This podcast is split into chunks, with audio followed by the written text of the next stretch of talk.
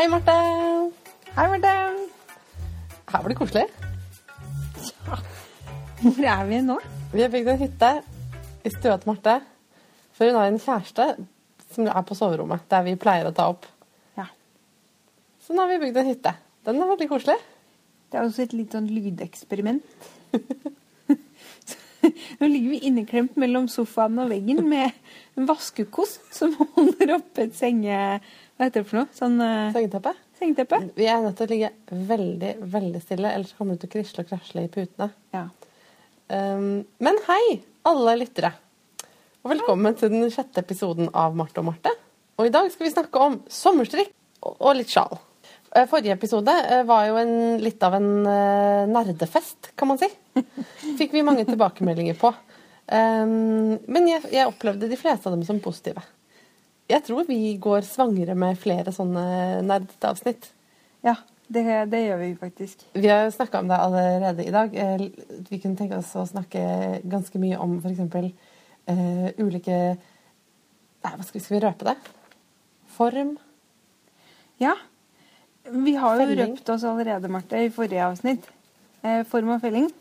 Og vi snakka også nå om et eget avsnitt om farge. Ja, det er nytt denne gangen her, så nå, røp, nå, nå røper du noe vi allerede Men det er bare en drøm. det er bare en drøm. Kanskje vi vi snakka jo til og med om kanskje vi skulle farge litt garn. Men i hvert fall, det, hele poenget mitt egentlig er at dette avsnittet blir av et litt annet kaliber. da. Kanskje den rake motsetningen. Fordi vi er ganske slitne i hodet, begge to. Det har vært en eh, begivenhetsrik måned, for å si det sånn. Jeg har eh, fullført en doktoravhandling. Du har begynt i ny jobb. Jeg kjenner at jeg er helt sånn mørs i hodet, så jeg er veldig glad for at vi har litt sånn lette, sommerlige temaer i dag. Eh, hvordan er det, Marte, i den nye jobben? Du, det, er, det er veldig fint. Det er veldig, veldig hyggelig. Er, jeg har så trivelige kollegaer. Og altså Det er jo rett, en skikkelig byråkratisk jobb. Men det er, jeg syns det er utrolig spennende. Eh, Og så er det jo veldig spennende at det kommer et beløp penger inn på kontoen din hver måned. Ja, det, men vet du, det føles nesten som en sånn der litt rar bonus. Fordi nå, selv om jeg har nesten en time reisevei hver vei, så jobber jeg veldig mye mindre enn jeg har gjort på veldig mange år. Og jeg tjener da ganske mye mer, siden jeg ikke egentlig tjener så veldig mye på å jobbe for meg selv. Og det er veldig interessant jobb. Det er altså, overraskende vanskelig egentlig å skulle bedømme sånne byggesaker, fordi det er så mange vurderinger man skal ta. Og vi bruker ganske mye av dagen på å diskutere disse sakene her, og det syns jeg er veldig spennende. Hvis man hører at det knirker i dører i bakgrunnen, så er det bare fordi at sånn, kjæresten til Marta må nesten få lov til å gå på do, selv om vi spiller inn. Ja. Det er Nå, tror jeg han Nå tror jeg han tissa så stille han bare klarte. Litt sånn som når man var på ungdomsskolen og tissa med sånn lettvegger imellom. Husker du det? At man liksom måtte tisse sånn på kanten, så at ingen skulle høre at det sildra. Ja. Jeg husker at Det var en, en greie, liksom. At ingen måtte høre at du tissa. Det er jo helt sykt, egentlig. ja, det er jo Hvorfor gjør jenter sånn? Ja, men det er Dette her er kanskje litt sånn tabugreie, jeg vet ikke, men det er noen som klarer å tisse sånn at de ikke lager en eneste lyd. Og det har jeg merka når jeg har liksom stått Hva er tabu? Å tisse lydløst eller ikke å tisse lydløst? Jeg vet ikke. Men, men, men jeg, det, det som er mest interessant i det, er at jeg aner ikke hvordan man får den til. Jeg har prøvd på forskjellige måter. For Man må tenkte legge papir kanskje- nede i doskåla, og så må man sitte sånn på skeiva og tisse på kanten. Altså ikke så på kanten av å tisse på gulvet, men på, på liksom keramikkskåla. Kanskje man putter papir nedi, ja. Ja, ja, ja, ja. Du må putte papir nedi. For det er det jeg har lært meg det er å tisse på skåla. Sånn at, men da hører man likevel sånn derre lyd. Ja, men hvis du, du må holde igjen, sånn at du, tisser veldig svakt. Men da tar det jo 100 år å bli ferdig. Ja, ja, ja, men ingen hører deg. Det er det viktige. Å, Gud. Nei, jeg kjenner at uh, lydløs tissing ikke er, noe, ikke er en sport jeg driver med lenger nå. Men jeg husker at man var liksom 13 år, og det var krise hvis man tissa for høyt. Ja, men Kanskje det er bare jeg som har opplevd? Nei, jeg tror ikke det. Nei, jeg, tror, jeg har tenkt at jeg burde tisse mer lydløst, men så har jeg tenkt at fader, jeg må tisse. Fader, nå- bare la det stå til. Altså, folk vet jo at det er det jeg tror du at det finnes en gutt i verden som har stått inne i en dobås og bekymra seg for at han tisser for høyt? Det tror ikke jeg. Nei. Vet du hva, jeg leste på internett faktisk. For jeg prøvde, dette er litt pinlig, men jeg prøvde faktisk å google hvordan man tisser lydløst. Jeg tror ikke du må gestikulere med armen. Jeg tror det krasjer i puta. Oh, ja. Sorry. Um, jeg googla det. Hvordan tisse lydløst. Og da fant jeg en sånn Da fant jeg en sånn diskusjon på nettet fra USA et eller annet sted, hvor folk snakka om at det var så pinlig, og at noen kollegaer, og spesielt sjefen, skulle høre noe som helst. Og noen menn svarte at de syntes det var dødsgøy at folk ble så flaue, så de prøvde liksom å, å gjøre litt ekstra ut av det. Med å liksom Åh! liksom, jo høyere ploppelyder, jo bedre når de bæsja på do. På Oi. Ja. Det er jo et helt annet kapittel. ja. Så det er litt forskjellige oppfatninger her om hva som er greit. Ja, dette var en, en intro til podden som ikke sto i manus. Nei. Eh, men vi kan gå tilbake til det som står i manus. Ja, du, Marte. Dette er litt sånn mer høypannet. Du har jo gjort det svært høypannede greier i det siste. Hvordan er det å ha levert doktorgraden din? Åh, det er eh, surrealistisk. Jeg har levert den til trykking. Eh, I morgen, altså nå spiller vi inn på en torsdag, og i morgen er en fredag. Og da skal jeg gå og hente den på trykkeriet og liksom gjøre alt det der formelle. Det er jo ganske stort. For de som ikke vet hvordan sånt funker, så bruker man omtrent tre år på å skrive en doktoravhandling. Men jeg har fått to barn i løpet av den tiden, som medfører litt sånn permisjon og sånne ting. Så da har det blitt mer enn det. I- Så jeg begynte på prosjektet høsten 2010, og nå er jeg ferdig. Det føles veldig rart. Litt trist, faktisk, for jeg er veldig glad i jobben min, og jeg kommer til å savne veldig å jobbe med det prosjektet. Men det er veldig deilig så, å liksom sette punktum for en så stor ting. Så det som skjer nå, er at eh, det er en bedømmelseskomité som skal lese avhandlinga mi, og det bruker de i hvert fall tre måneder på. Og hvis de finner ut at den er bra nok, så får jeg disputere. Og på en disputas så skal doktoranden forsvare avhandlingen sin. Svare på kritikk og spørsmål og ja, grilles i noen timer, rett og slett. Det er du som er doktoranden. Det er da meg, ja. Ja. Og så, hvis man eh, består disputasen, på en måte, så blir man doktor, da. Men dette ligger potensielt et stykke fram i tid, altså. Så jeg eh, prøver ikke å tenke så mye på det nå. Eh, Jeg har skrevet en avhandling innenfor språkvitenskap, og den handler om multimodale elevtekster i ungdomsskolen. Jeg trenger ikke si så veldig mye mer om det. Jeg har levert. Og da kan man jo tenke seg at jeg kanskje får mer tid til å strikke. Det er lov å håpe. Jeg føler jeg egentlig har strikka ganske mye hele tiden. Men jeg skal jo fortsette å jobbe også, og jeg skal undervise, jeg skal undervise på universitetet. Det er det jeg skal gjøre nå. Men jeg skal også strikke. Og jeg skal strikke i anledning at jeg har levert avhandlingen på Folkemuseet. Men innen denne episoden går på lufta, så tipper jeg at vi allerede har vært der. Hvis ikke vi eh, er ekstremt effektive på å klippe. Det pleier vi erfaringsmessig ikke å, være. Men det er i hvert fall sånn at på Facebook så har jeg invitert alle til å bli med meg på Folkemuseet på Bygdøy for å strikke den 27. mai. Det er nemlig den dagen som min, som min stipendiattid offisielt er over. Vi skal strikke, drikke kaffe, kjøpe norsk garn på veveriet. Se på strikkeutstillinga der og bare kose oss. Jeg gleder meg dødsmye. Og jeg foreslår at vi i neste episode tar et sånt tilbakeblikk på hvordan det ble. Ja, det må Det var da vår uh, veldig hyggelige lytter uh, Karin, som jobber på Folkemuseet, som skrev til oss og tenkte at det var en god idé at vi kom på jobben hennes og strikka, fordi ellers hadde vi ikke en mulighet til å være med. Så tenkte jeg hm, godt forslag. Ja, Det var et fantastisk, en fantastisk invitasjon å få. Vanskelig å si nei til. Ja, også hyggelig idé, bare. Jeg hadde ikke Ja. kommet på det selv, tror jeg. Men uh, det er jo den beste settingen, liksom. Ja, men altså Jeg har vært litt fraværende en stund. Fordi jeg har jobba mye med doktoravhandlingen. Sånn at eh, du har liksom styrt skuta litt på, på nettet, føler jeg. Har vi hørt noe fra lytterne våre i det siste? Ja, altså, vi har jo fått denne fine forespørselen om å feire eh, innleveringen din. Og så Jeg har gått gjennom og så titta litt og plukka ut eh, noen highlights her. Og det første, da, det er eh, Margrete som har sendt oss en eh, melding på Facebook og spurt om det er mulig å ta med strikkepinner på fly. Og jeg har sjekka Avinor sine nettsider. Avinor er altså da de som eh, hva heter det for noe, koordinerer flytrafikken i Norge. Og de har laget en lang liste over gjenstander som er lov å ta med seg på fly. Og der står det strikkepinner. Så når Avinor sier at man får lov til å ta med strikkepinner på fly, så er det veldig fint. Eh, Jeg har hørt også at det, alle flyselskapene kan bestemme selv sine egne regler. Ja, så er det det, ikke sant? At når du kommer på flyplassen, så er det da sikkerhetskontrollen som har på en måte absolutt vetorett. Så hvis de sier at du ikke får lov til å ta med deg strikkpinnene, så får du ikke lov til å ta med deg strikkpinnene. Jeg har aldri opplevd det. Nei. Da jeg fløy nå sist nå, så var det en sur gubbe på flyplassen i Bergamo som eh, så på strikkepinnen min og vurderte det i fem minutter mens han tappa fingertuppen på spissen av bambuspinnene mine. Mens han så veldig sur ut og lurte på om han skulle tillate meg å ta dem eller ikke. Så kom han fram til til slutt at ja vel, det får gå under tvil. Jøss. Og Mens- bambuspinner? Ja. Og jeg kjente at jeg ble litt sånn hissig. Bare, vet du hva, det der, der det er mindre skarp enn en blyant. Herregud. Jeg liksom jeg kan knekke den foran, rett foran han for å liksom bevise det, men så tenkte jeg det er veldig dumt å knekke, for det vil ikke knekke pinnene mine.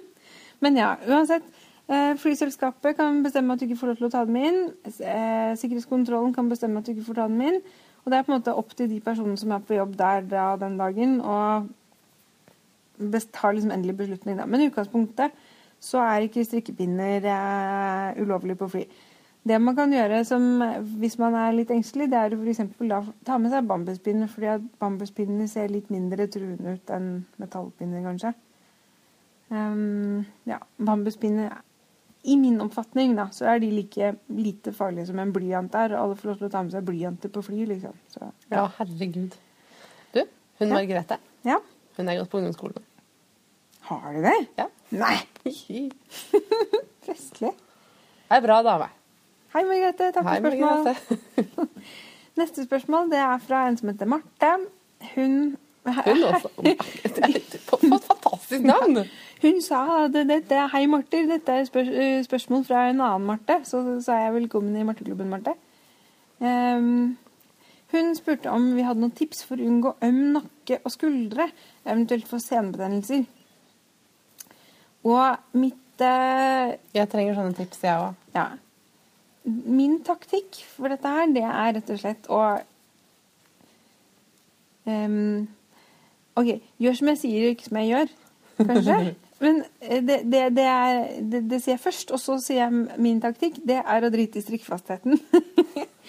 Fordi at eh, særlig tynne pinner og tynt garn um, For 26 masker strikkefasthet, det er liksom urealistisk at jeg skal få til med det aller fleste garn. Så jeg bare gitt meg selv amnesti og lykke i livet ved å tenke på at eh, eh, jeg strikker sånn som det er komfortabelt for meg å strikke. Og da blir det ofte litt løsere enn den strikkefastheten som står. Og så prøver jeg da å kompensere ved å velge en annen størrelse eller tenke litt på hva slags type plagg jeg strikker. da, Om det er greit at det blir litt større, eller Ja. om det er noe annet jeg kan gjøre for å Jeg tenkte på at kanskje vi som er. Vi er jo sånne løse strikkere begge to. ja. Jeg tenkte på at kanskje vi er mindre utsatt for eh, plager enn folk som strikker veldig stramt. For vi må Ja. jo stramme oss mindre når vi strikker løst. Ja, fordi en, Utfordringen det er jo at når man sitter, og spesielt hvis man strikker noe som er vanskelig og man konsentrerer seg, så er det veldig fort gjort at skuldrene åker opp. Eh, og man kniper Åker? Har det blitt svensk? Ja, lite svensk. Akslene åker opp. Ja.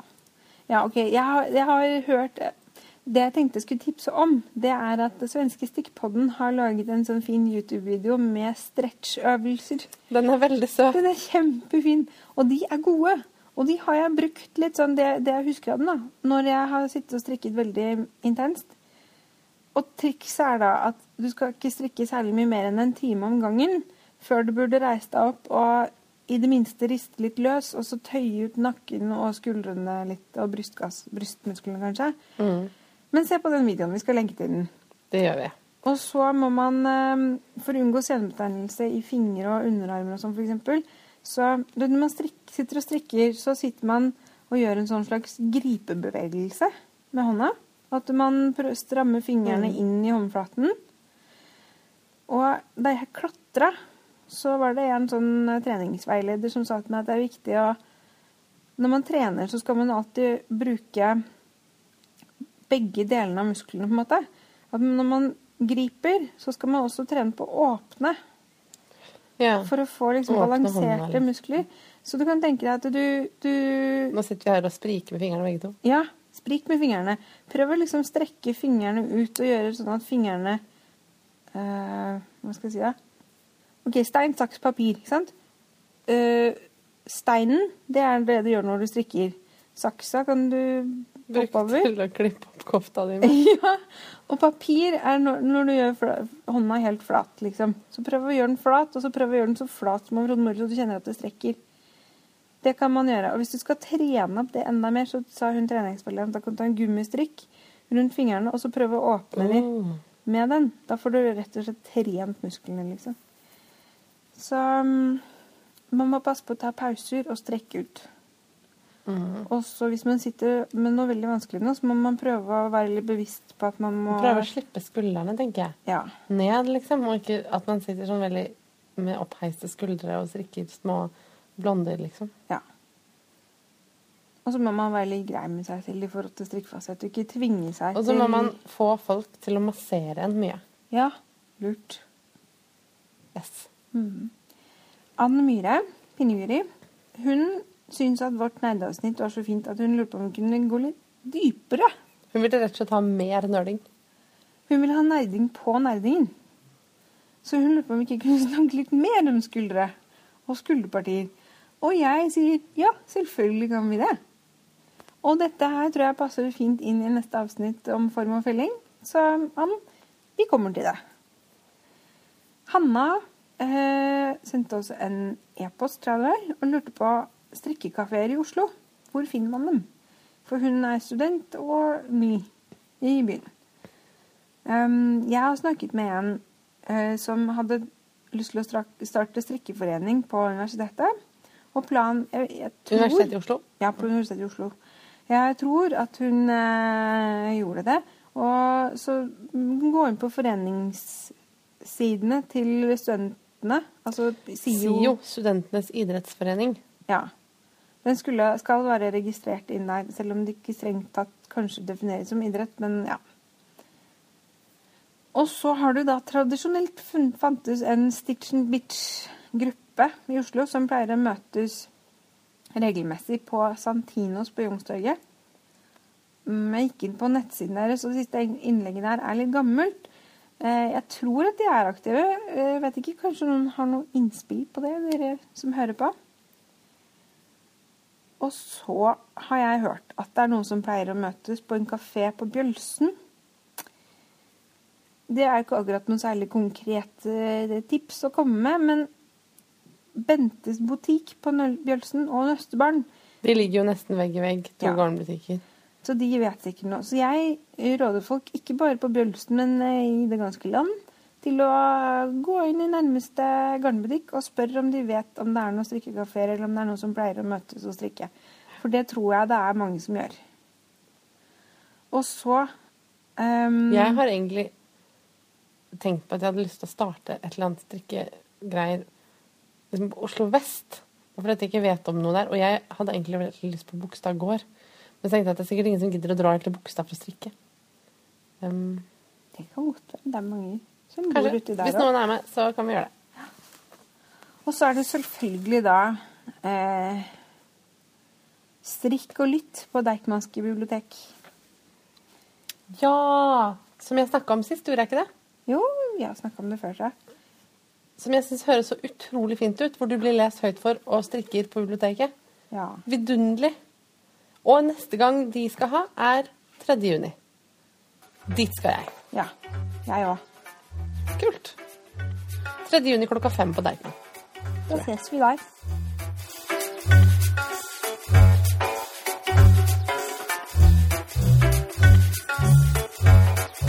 Marte, nå er det snart sommer. Egentlig hadde jeg lyst til å si at det er sommer, men jeg må bare si at jeg tror denne, dette årets mai måned det er det kaldeste mai jeg kan huske å ha opplevd. Det er fortsatt nattefrost oppe hos oss innimellom, og det er kaldt. Jeg har fortsatt stillongs på barna når de leker ute, og jeg går med lue til jobb. Men allikevel, eller kanskje nettopp derfor, skal vi snakke om sommerstrikk. Jeg føler det er et tema som alle strikkepodkaster er innom omtrent på den tida her av året. Man må jo forberede seg. Ja, jeg, Men jeg tenker at det også har mye å gjøre med at strikking er litt ansett litt som en vinteraktivitet. Ja, tull. Og før jeg må jo bare innrømme dette, før var jeg faktisk en av dem som strikka høst, vinter og vår, og ikke om sommeren. Jeg pleide å hekle om sommeren. Vet du hva? Den, eh, altså denne som, våren her, så jeg tenkte nei, nå er jeg ikke keen på strikk, for det er for varmt til å bruke de julegenserne. Og så plutselig så skjedde det noe, for jeg oppdaga noen mønster, og nå er jeg bare mer gira enn før. Ja. Pluss at vi bor i Norge. Vi er liksom ikke egentlig plaga med at det er så varmt at man ikke trenger en ullgenser på kvelden. og så, altså Før så hekla jeg på sommeren, og det, det gjør jeg ikke så mye lenger. Men det har mest å gjøre med at Eller det har å gjøre med flere ting. Det har å gjøre med at jeg har blitt mer bevisst på hva slags ting man kan strikke. Altså in, I gamle dager i gamle dager så mener jeg liksom typ når jeg var 17. Da kunne jeg strikke genser og raggsokker, og det var det jeg strikka. Vet du hva, Marte? Mm. Det er for 14 år siden vi var 17. Snart 15. Oh God, det er så lenge. Det er så lenge, det. Hæ? Sorry. Ja. Ja. Siden vi var 17. Herregud, ja. Men eh, det, altså, det har også noe å gjøre med at jeg er sykt mye flinkere til å strikke enn å hekle. Jeg er dårlig til å hekle. Men eh, jeg sa jo at jeg, Noen sier jo også ikke bare at det er for varmt å bruke plaggene, men at det er for varmt til å strikke. Altså aktiviteten strikking. Og det, det, den skjønner jeg ikke helt. Altså, Kanskje noen syns ull er best til vinterstrikk. Jeg strikker i ull året rundt. Jeg har aldri opplevd det fysisk ubehag ved å strikke med ull om sommeren. På den annen side så tror jeg ikke egentlig at jeg er så inspirert til å strikke f.eks. en diger islandsgenser eller tjukke votter når sola skinner og det er 25 varmegrader. Um, så derfor har jeg laga en liten liste over hva slags ting som egentlig er gode strikkeprosjekter om sommeren. Eller i sommervarme. F.eks. litt tynnere ullsokker. Det er jo deilig å ta på seg varme sokker om kvelden, også på sommeren. Ja. Men kanskje ikke de aller tjukkeste raggsokkene. Med litt tynt sokkegarn så kan man strikke veldig lette, tynne, fine sokker. Lette, luftige sjal. Det er min personlige favoritt. Det kan vi komme tilbake til litt etter hvert. I sommerutgaven av PomPom PomPom er et engelsk strikkeblad som kommer ut fire ganger i året og er utrolig fint. Pluss at de har min personlige favorittpodkast i hele verden, som heter Pomcast. som er kanskje Ja, det er kanskje den podkasten som jeg er mest inspirert av i verden. Det siste PomPom er sommerutgaven. Og der er det en utrolig fin strikka veske som heter eh, Pomelo. Den minner meg om de stoffveskene som man får kjøpt i, når man backpacker i Asia. Med, som er litt sånn lange uh, skuldervesker med brei stropp. Den er kjempefin. Stripet eller noe sånt, er den ikke? Ja, i liksom uh, korall og krem, kanskje. Den er kjempefin. Og så er den strikka med sånn kul teknikk. Det, det er litt sånn som man feller på en lue, eksempel, og du får nesten sånn Ja, den er veldig stjernemønster. Ja, litt sånn sol. Ja. Spiralaktig. Ja, den er veldig kul. Vi lenker til den. T-skjorter og singleter, det er jo eh, fint å strikke på sommeren. Og der- der er kanskje ikke rein ull det mest egna garnet. Men f.eks. lin eller silke, eller blandinger av lin og silke og ull og sånne ting. Fra samme nummer av PomPom så er min favoritt i det bladet, tror jeg. eh, Den heter Alcomar. Det er en, eh, en T-skjorte, litt sånn lang T-skjorte, som har sånn nydelig blondemønster på hele ryggen, men er glasstrikka foran. ja, den er fin. Og så er den strikka i et garn som er en blanding av lin og merinoull. Som jeg syns hørtes veldig fint ut. Um, småplagg er fint å strikke om sommeren. Og jeg sa jo at måte man kanskje ikke føler seg helt inspirert til selvbevått strikk, men babyplagg f.eks. er jo alltid fint. Og de kan man jo strikke i alle mulige slags fibre. Og du, julegaver. Det er jo egentlig nå man må strikke dem. Ja. Det er jo veldig demotiverende å sitte og nistrikke i slutten av desember. Ja, da har man jo mest lyst til å strikke varme ting til seg selv. Og drikke gløgg. Ja. Å, så koselig. Ja. Nesten så du savner jula. Jeg savner egentlig jula litt hele året. Jul er kanskje Det er det beste jeg vet. Gløgg. Og liksom bare Alt, altså. Den følelsen. Jeg blir eh, fem år hver jul. Det begynner i oktober. Jeg syns det er helt topp jeg, når julemarsipanen kommer i butikken i oktober. Ja, Da blir jeg veldig fornøyd. Marsipan er jo helt fantastisk godt. Du kan spise marsipan Hvordan kan man bli året. lei seg for at det dukker opp marsipan, liksom? Sånn, jeg gir deg marsipan. Du bare, det er altfor tidlig. Skjerp deg. Det er jo kjempegodt. Men Marte, vi skal ikke snakke om jul nå. Vi snakker om sommer nå. Ja. Hva vil du strikke om sommeren? Vet du hva, det er artig at du spør om det, fordi jeg har tenkt litt på det i det siste. jeg, jeg så Elin fra Stikkpodden på Instagram som hadde strikka en veldig fin lintopp. Og bare sånn litt apropos der. Det, hun hadde strikka den på strikkemaskinen sin, som hun endelig hadde blitt venn med. Og jeg bare Oh my god, strikkemaskin. Jeg har, aldri, jeg har ikke hatt noe sånn veldig greie for Du må ikke gå i den fella, Marte. Du må ikke. Alle Ja, men strikkemaskiner som støver ned rundt i Ja, sa han. Det er bare Hun hadde brukt sju timer på å strikke en fantastisk lintopp. Og så tenkte jeg bare jeg, jeg, jeg, jeg vil også det! Du må ikke veive med armen. Det kommer til å høres. Ja. ja. Men ble litt engasjert, da. jeg trodde du skulle veve. Ja, det skal jeg også. Problemet er at jeg har ikke veven her i, her i byen. Mm. Um, det, den hadde jeg glemt litt nå. Det, det er sant. Men det Ja. Nå sporer jeg men det, for det jeg skulle si, det var at hun strikka en veldig fin lintopp. Og så tenkte jeg lintopper, ja. Det kan man strikke. Og da, da hadde jeg liksom trykka på knappen, og da var jeg i gang. Uh, så jeg begynte å se Jeg husker ikke hvor jeg begynte å se, men eh, jeg endte i hvert fall opp på Pearl Soho sine nettsider. Pearl, det jeg anbefaler. Vi linker til dem. Pearl Soho er eh, en garnbutikk i Soho i New York som har nettbutikk også, og en blogg som de kaller Pearl B. Og eh, Pearl, det er altså da vrangmaske på engelsk, P-U-R-L. Og Pearl B, altså som i B-I-I, bie, er bloggen deres. Og der legger de ut mønstre som de både selger, og noen er gratis. Og det er strikkemønstre og symønstre og alt mulig slags håndarbeidsmønstre. Og de lager så mye fint. Jeg blir helt sånn Det bobler litt når jeg går inn der og ser. Eh, Så jeg fant da fram en topp som heter Tulip Top, som er strikket i bambusgarn. Og den er ermeløs, eh, med rund hals. Og bak i ryggen så Ryggen er strikket eh, i to biter som overlapper hverandre, litt sånn som tulipanblader gjør. Som gjør da at det, er full overlapp topp oppe over skuldrene. Og så er det en buet kant som mm, måte går diagonalt fra skulderen og ned til motsatt hoftekant. Og så går den over i forstykket, og bak så går den fra motsatt hofte til skulder igjen, og så overlapper de hverandre der. Sånn at man får et sånt parti som er litt mer åpent bak ryggen enn det er foran. Jeg syns det var veldig eh, kult design. Og jeg ser for meg at den hadde blitt veldig veldig fin i en litt sånn knæsjfarge. Kanskje i Pickles eh, nye Boo-Boo bambusgarn. Og så, da jeg først var på den, da fikk jeg da anbefalt på nettsiden en annen topp som heter Notched Hem Top. Begge disse to mønstrene ligger altså gratis ute på nettsiden deres, og jeg skal lenke til, eh, lenke til dem.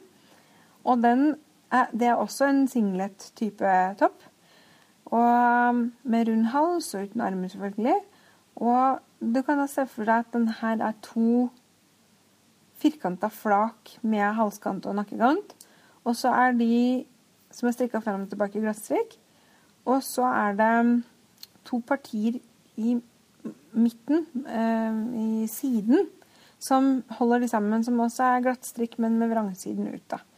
Eh, og da, så den har på en måte en litt sånn boks, bokseform. Som en boks. Hmm. Og så er den litt lenger bak enn den er foran. Veldig fin. Det er litt vanskelig å forklare men, akkurat hvordan den ser ut, men um, eh, dere får gå inn på nettsiden og se på bilder. Og på Instagram så har de en konto hvor de har lagt ut et bilde som har på seg den toppen, og den var veldig fin på. Hva heter det på Instagram? Proby? Eller Prosoho? Pearl Soho? Soho, tror jeg. Å, de følger ikke jeg. Det må jeg gjøre. Ja, det må du gjøre. Det er eh, veldig pene bilder og mye gøy. Den er da strikket i lin. Og jeg har aldri vært særlig interessert i å strikke i lin. Eh, før jeg, hørte på Stikkpodden sin nyeste episode, nummer 49, hvor Elin snakker om lingarn, hvordan det blir laget, og hvordan det er å strikke lin. Og da ble jeg veldig gira på å prøve meg på det. Jeg har da kjøpt lingarn gjennom Førn, før, eh, før. Jeg var på Sandvika Storsenter og kjøpte garn på tilbud for ganske mange år siden. Og det var sånn linlin. Skikkelig stritt med linkvister stikkende ut av seg greier. og så hadde jeg funnet noen sånne der væskemønstre som jeg hadde ambisjoner om å strikke, som jeg syntes var veldig, veldig kule. Det er bare at det, jeg klarte absolutt ikke å hekle et, et firkanta flak. For jeg klarte ikke å få like mange masker på hver runde. Så det, du skulle hekle dette? Ja, Ikke? Ja. ja hekle, ja. Sorry. Ja, strikke hadde jeg klart, men hekle, det bare det, det var helt umulig for meg å klare å huske å få like mange masker på hver runde. Sånn at det blei et firkanta stykke og ikke det mener hekling er veldig uoversiktlig. Ja. Du, altså, ja, det er greit, det er kjekt med den ene maska, fordi at da kan du ikke miste alle maskene plutselig på bussen, liksom. Ja. Um, men det er jo strengt tatt ikke et veldig stort problem for meg når jeg strikker at jeg driver og mister alle maskene hele tiden. Men plukker dem opp igjen. Ja, det er jo ikke noe stress, det. Nei. Og med hekling så syns jeg det er så vanskelig å liksom skjønne hva som er hva. Ja. Og jeg har fortsatt ikke liksom skjønt egentlig hva som er eh, en fast maske. Jeg bare gjør noe, jeg. Jeg kan strikke én ting. Trekanta sjal. Da begynner du på en måte med spissen, og så blir det breiere og breiere oppover. ja. Jeg kan hekle litt mer enn det. Jeg vet hva en fastmaske Jo, og er. du har lært meg å hekle votter. De blir jo kjempefine. Ja, ja, ja. ja. Men da, det er jo bare sånn. Ta da. Altså, til slutt ga jeg opp det garnet. Jeg ga det til mamma, og hun strikka håndklær av det. Lurt. Så det ble, de ble veldig fine håndklær. Men eh, ja, nei, nei, jeg tror kanskje jeg må finne et annet lingarn, og så tror jeg kanskje jeg må gi dette en sjanse til. Du, det glemte jeg å si på lista mi over sommerstrikk i stad. Ja. Kluter. Kluter, ja. Det er jo helt kjempefint å strikke om sommeren. ja. Jeg har jo blitt en, en klutstrikker. Jeg synes det er helt topp. Det er noe med det å strikke om sommeren at du kanskje ikke setter i gang med et svært ullteppe. Nei, som du skal ha det i fanget mens du strikker. Nei, nei, det er sant. Og noen ganger så er man liksom på ferie, altså, eller liksom på Ja. farten. Eh, litt mer om sommeren kanskje enn på vinteren. Og da er det greit å ha noe som er litt eh, sånn mobilt. Siste mønsteret som jeg har funnet fram, det er jammen fra Pearl Sova, det også. eh, det, den heter da Striped Summer Shirt. Og jeg bare hører på navnet at dette liker jeg. Ja, sånn. Dette er også et gratismønster. Og hold deg fast, Marte, og dere andre. Den er strikka i silke. Men det er ikke sånn blank, eh, fancy silke. Det er eh, For at silke kan jo ha ganske liksom forskjellig Avhengig av hvordan man behandler Silke kan være veldig mye forskjellig, faktisk. Ja. Wow, liksom. Silke! Det kan være veldig grovt. Ja. Denne her, det er sånn du, du ser den, og så tenker du sommer. Den er stripete, hvit og rød. Og det hvite garnet er litt tykkere enn det røde garnet. Og så strikker du på ganske store pinner, så den blir litt sånn luftig og litt gjennomskinnelig. Eh, veldig sånn avslappa i stilen. Litt maritim, kanskje? Maritim. Ja, og det som også er veldig fint, at det er brukt Hæ? Ja, det er brukt to forskjellige rødfarger, en slags nyanse. Så når du kommer opp i bærestykket, så har de brukt en litt lysende nyanse. Det er ikke noen sånn stor forskjell, men det er et sånt fint fargespill. Um, og det garnet i stripene begge, begge garnene er fra Habu Textile, som er et japansk garn.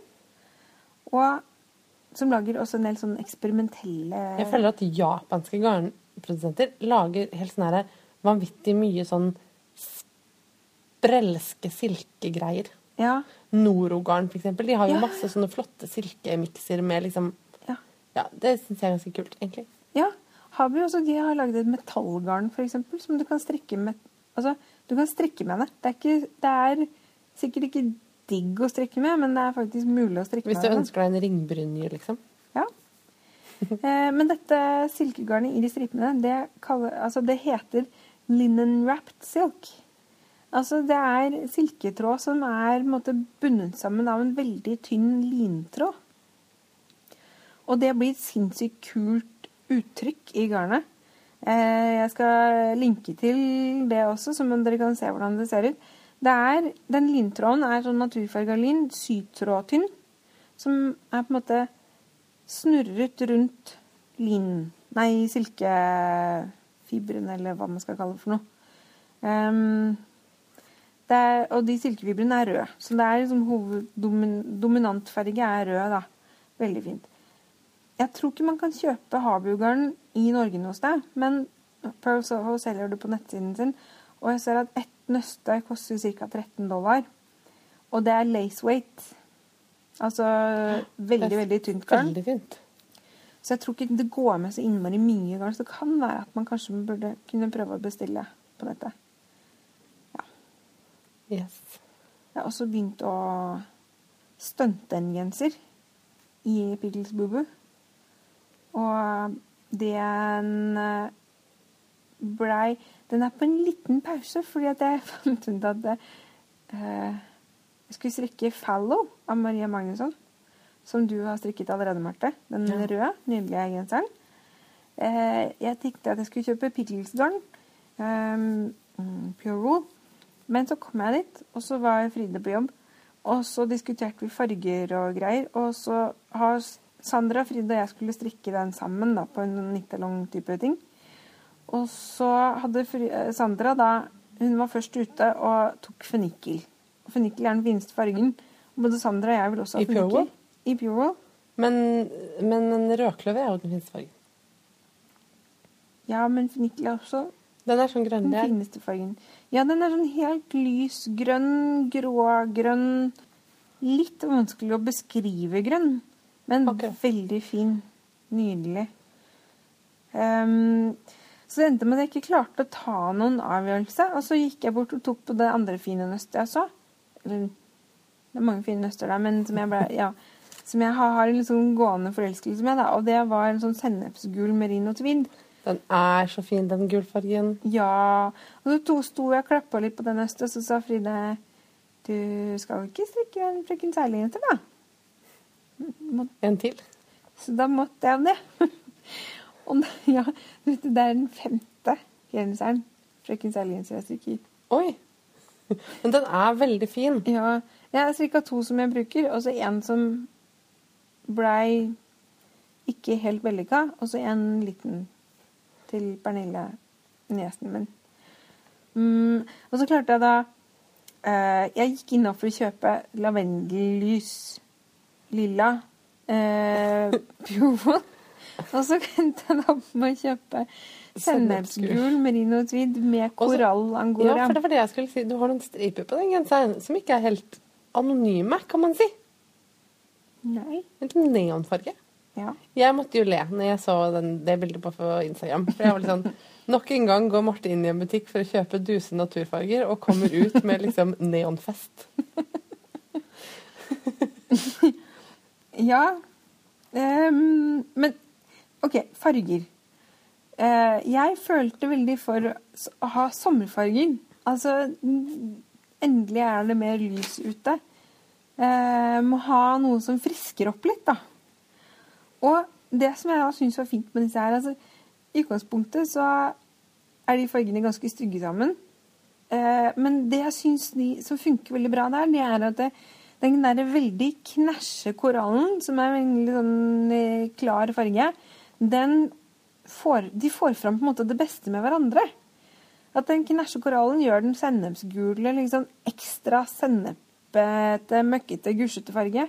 Og den gusjefargen gjør korallen enda mer knæsj eh, neonfarge, liksom. Ja. ja. Så det, det syns jeg er veldig bra. Men farger er, altså farger er utrolig spennende. Og jeg kjenner at dette kan jeg snakke veldig lenge om. Jeg lurer på om vi kanskje må ta opp det her i et eget nerdeavsnitt. Marte. Vi som eh, i begynnelsen av vår eh, podding sa vi at vi skulle lage ti avsnitt. Og så skulle vi liksom kanskje gi oss. Men uh, jeg føler at vi allerede har liksom stoff til mer enn fem avsnitt, eller fire avsnitt til. Dette er jo det sjette. Herregud. Jeg tror vi kan holde det gående en stund til, ja. Ja, vi får se, da. Ja.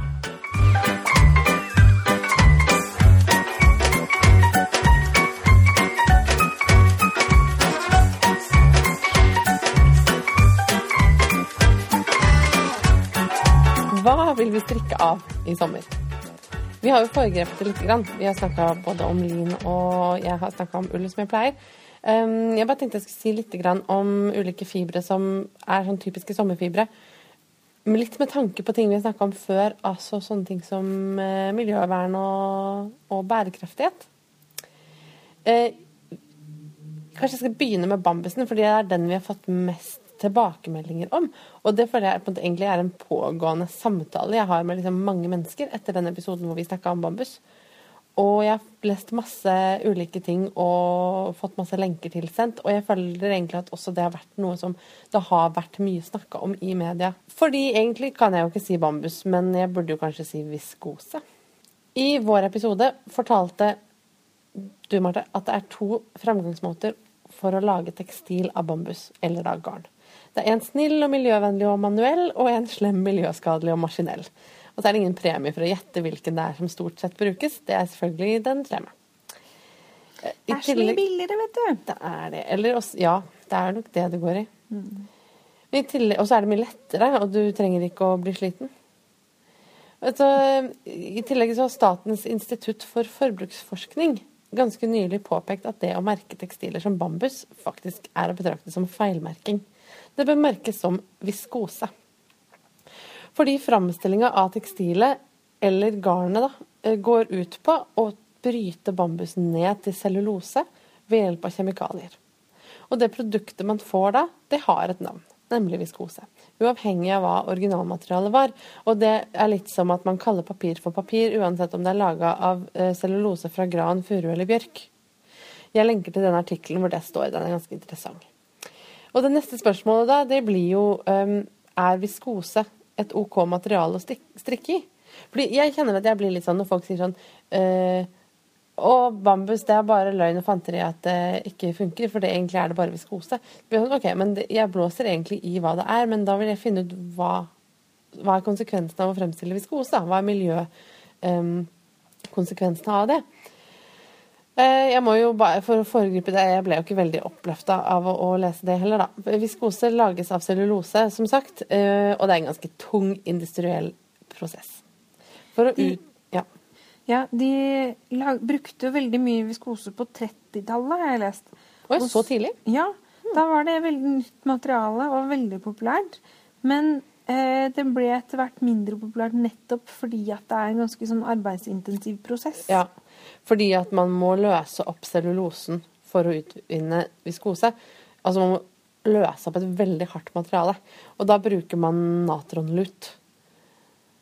Og den oppløsningen Da kan man på en måte få ut tråder som får størkne i et bad av svovelsyre og natriumsulfat. Høres ikke det deilig ut?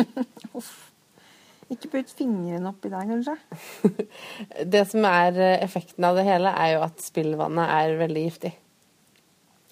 Uh, I tillegg eh, så er viskose veldig ofte dobbelt bleka med klor.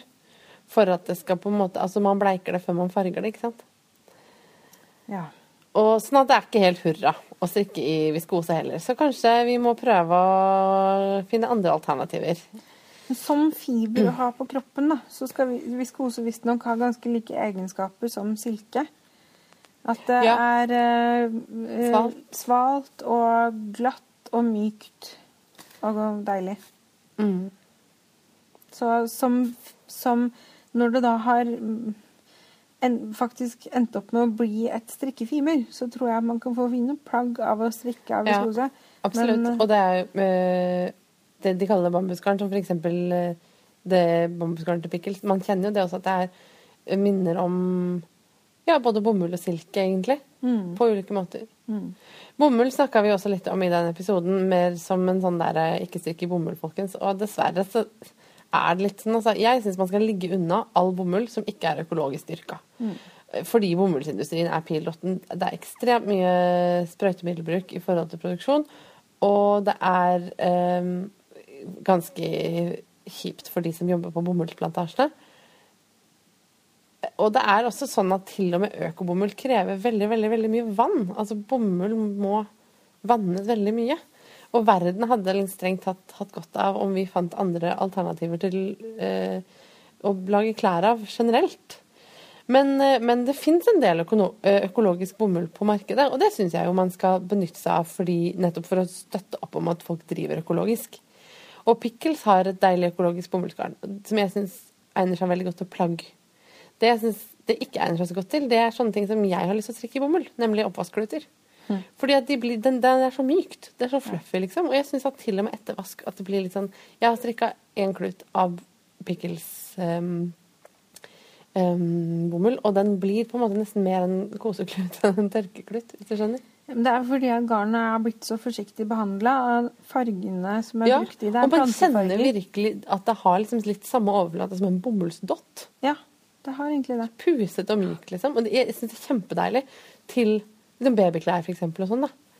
Men eh, hvis noen vet om noe økologisk bomullsgarn som helst er litt tjukt, som jeg kan strikke kluter av, så blir jeg glad. Og også skyte inn der at eh, Pickles har et annet bomullsgarn, altså Summerwool, som er 70% økologisk bomull og 30 eh, merinoull, som ikke er fra Australia, men fra Sør-Amerika. Og eh, det er også det, blir det er ikke så godt i kluter, for du kan ikke koke det siden det er ull i det, men det blir veldig veldig deilig plagg av det. Og det er også snilt garn, da. Og Sånn veldig sånn bra til sommerplagg, tenker jeg. Ja, det er veldig deilig. Nettopp. Så for å oppsummere bomull litt, da. Um, bomull er Hvis du skal bruke bomull, så må du for all del kjøpe økologisk bomull. Og helst fair trade. og helst fair trade. Fordi at det er bra for uh, de som jobber med å plukke bomull. Ja. Men bomullsproduksjon, eller plantene bomull, de ødelegger jorda, og det krever veldig mye vann for å produsere Selv om det er økologisk. garn. Selv om det er økologisk.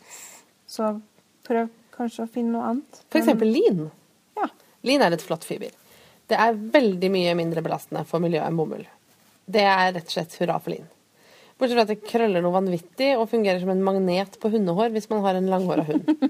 Men eh, akkurat det med hundehår gjelder kanskje faktisk mer lintekstil enn liksom strikka plagg. Jeg vet ikke. Vi tester. Jeg strikker noe lin og koser med Mingus, og så ser vi. Det er veldig enkelt. Du har jo allerede sagt at Stikkpodden har en episode eh, om lin ute nå, så den kan man jo sjekke ut hvis man har lyst til å høre om linproduksjon. Som vanlig ender fiberlista mi med ull. ull.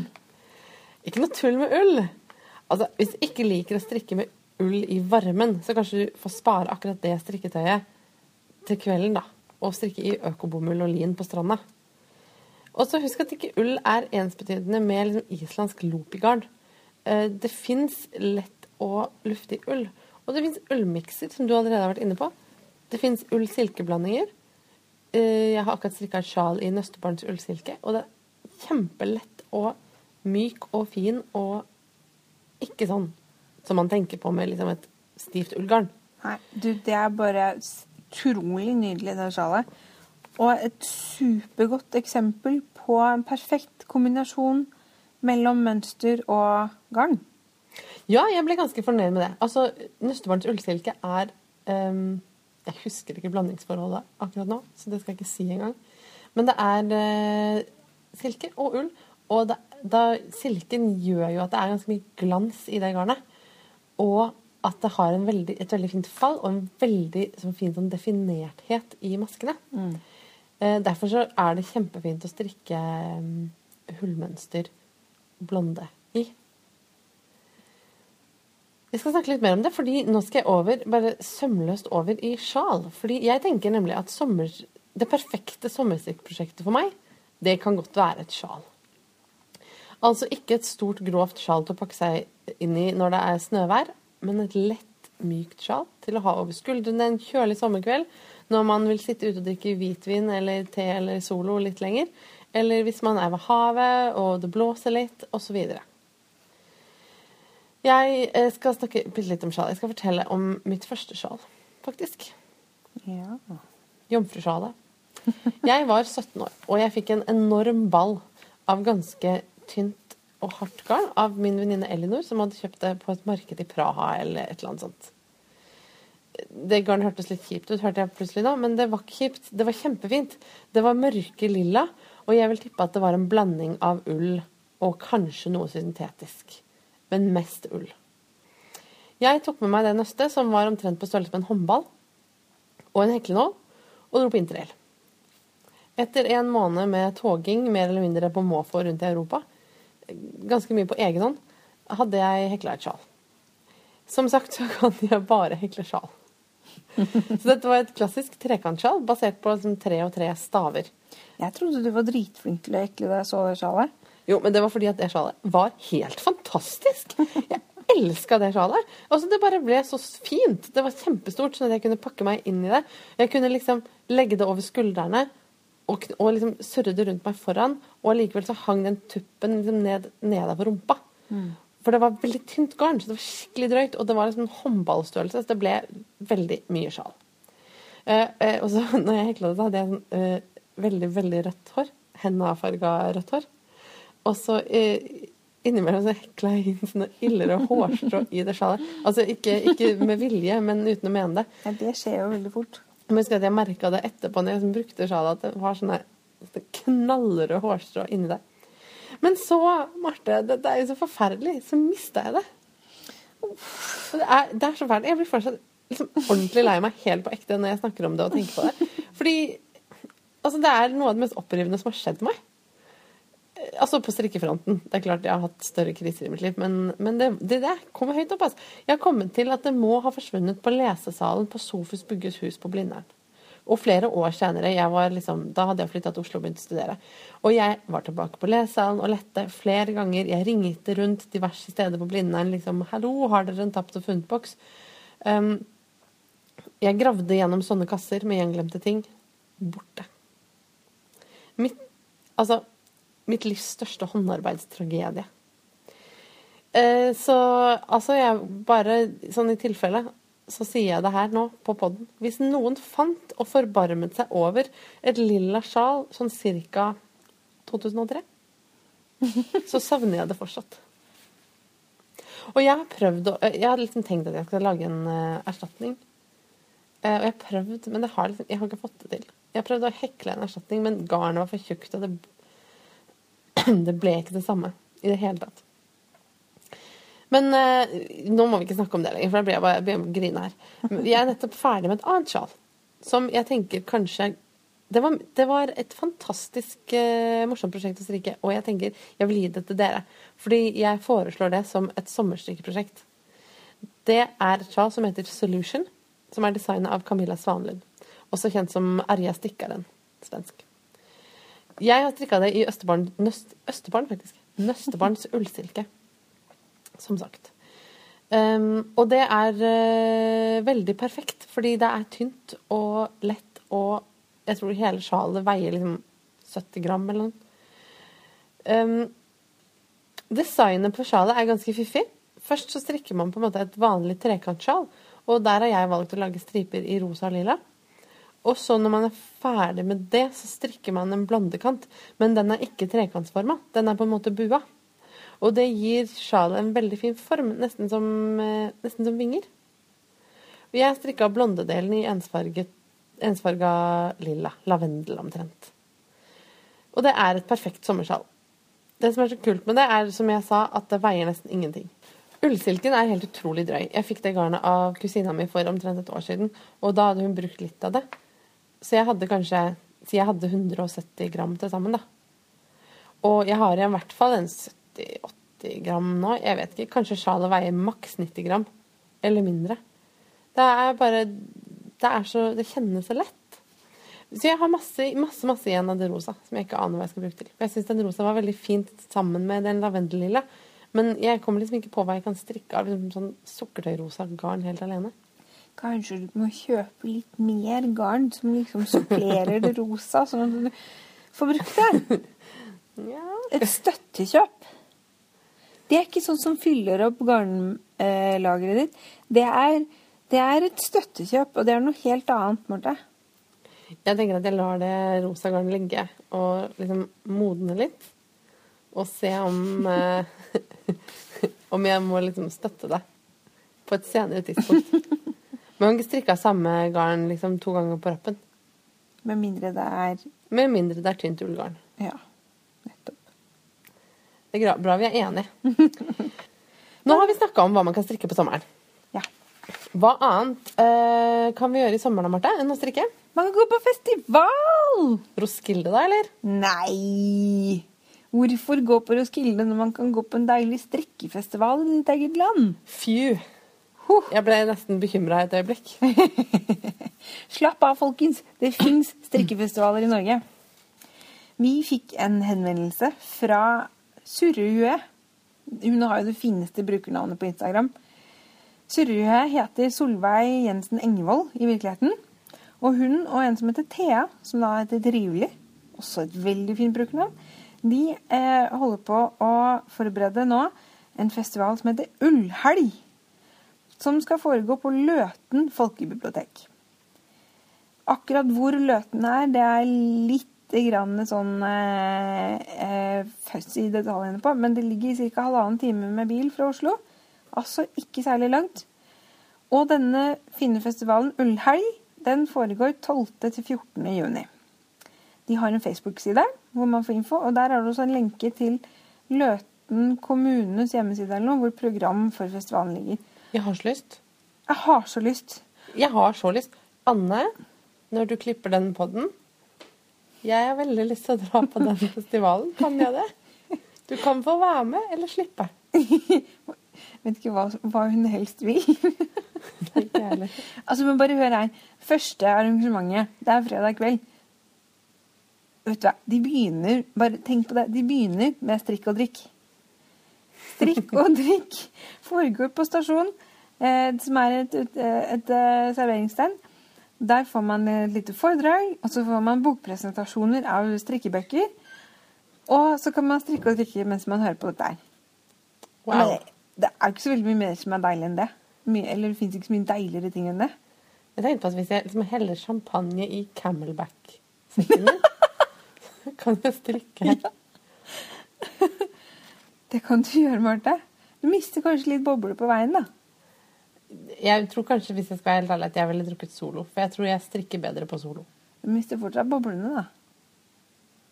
Du sitter helt stille. Ja, vet du hva, det syns jeg du skal prøve. Og så kan, hvis det funker bra, så ja. Så, skal jeg ta, så, så kan jeg kopiere deg. Ja, På Ullhelg så skal de kanskje gjøre det. Jeg vet ikke hvor mange som kommer med camelback til strikk og drikk, men um, But you heard it here first. Oh, yes you did. Det blir i hvert fall kurs av forskjellige slag. Det blir salgsboder. Og Nina Petrina, som vi har snakket om tidligere og fått tips om, som da farger garn og er en av få som selger Blueface Lester garn i Norge. Hun skal ha sin egen stand, og hun stiller da opp med spesialfarget garn for anledningen. Som man skal, kan få kjøpe der. Silkeullblanding, tror jeg det var. Og det er andre spennende garnprodusenter som kommer. Vet du hva? Det høres ut som en drøm av en festival. Åh, ja, herregud. Tenk hvis man bare kunne gjøre det hele sommeren. Ja. Det er jo ikke den eneste festivalen, så du kan gjøre det hele sommeren hvis du vil, Marte. For eksempel da, noen, bare noen dager etterpå, da skal det være strikkefestival i Drammen. 19. til 21. juni. Den heter da Drammen strikkefestival, og er arrangert av Norsk strikkeforening. Og Det er en relativt nystartet forening. Den ble starta i fjor. Headlineren på denne festivalen, det er nok Kay Facet, som skal holde Oi, kommer foredrag. Kay Facet? Kay Facet kommer. Kay Facet, det skrives da for øvrig kaffe Fassett. Men kaffe eh, uttales cave. Ja, det de gjør faktisk det. Det er en amerikaner, en mann til og med, som strikker. Og han har strikket i mange år og har blitt veldig, veldig kjent for sin veldig karakteristiske fargebruk. Og at han strikker veldig mye intarsia-strikk. Og intarsia-teknikk, det er altså når man strikker med flere farger, eh, hvor man har f.eks. vertikale skiller mellom farger. Og hvis du det er bare å prøve å strikke det, eh, det betyr jo at du skifter farge og skifter tråd mellom de, og da får du et hull. Og for å unngå å få det hullet, så tvinner man trådene rundt hverandre på mm. baksiden. Eh, det er en teknikk som jeg ikke er særlig fortrolig med. Det høres ut som det jeg ville beskrive som et jævla herk. ja. Det, det er akkurat det det. Ja. Så det er, det er Ja. Godt sagt, Marte. Jeg tenkte at kanskje, kanskje jeg klarer det når jeg blir stor en gang. Men ja, uansett, festivalen de har også masse forskjellige spennende kurs. Hullstrikk for nybegynnere. Italiensk opplegg og felling.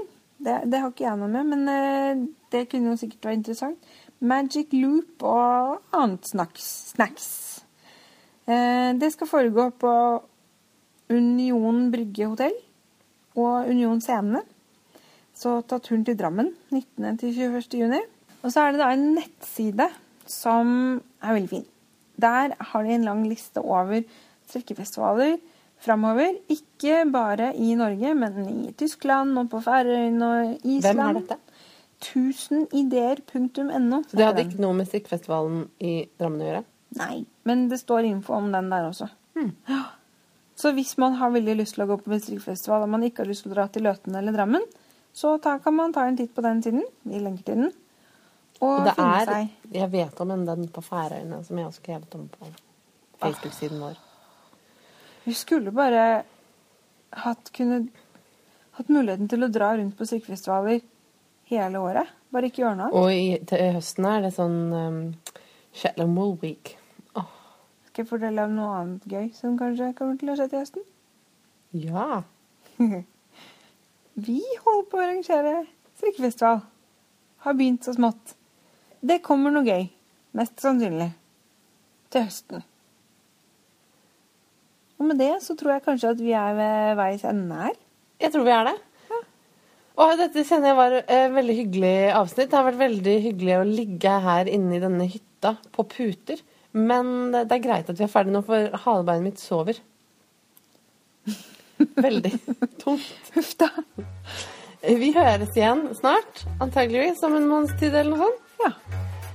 Kos dere lyttere med forhåpentligvis sommervarme og sommerstrikking etter hvert. Sant? Ja.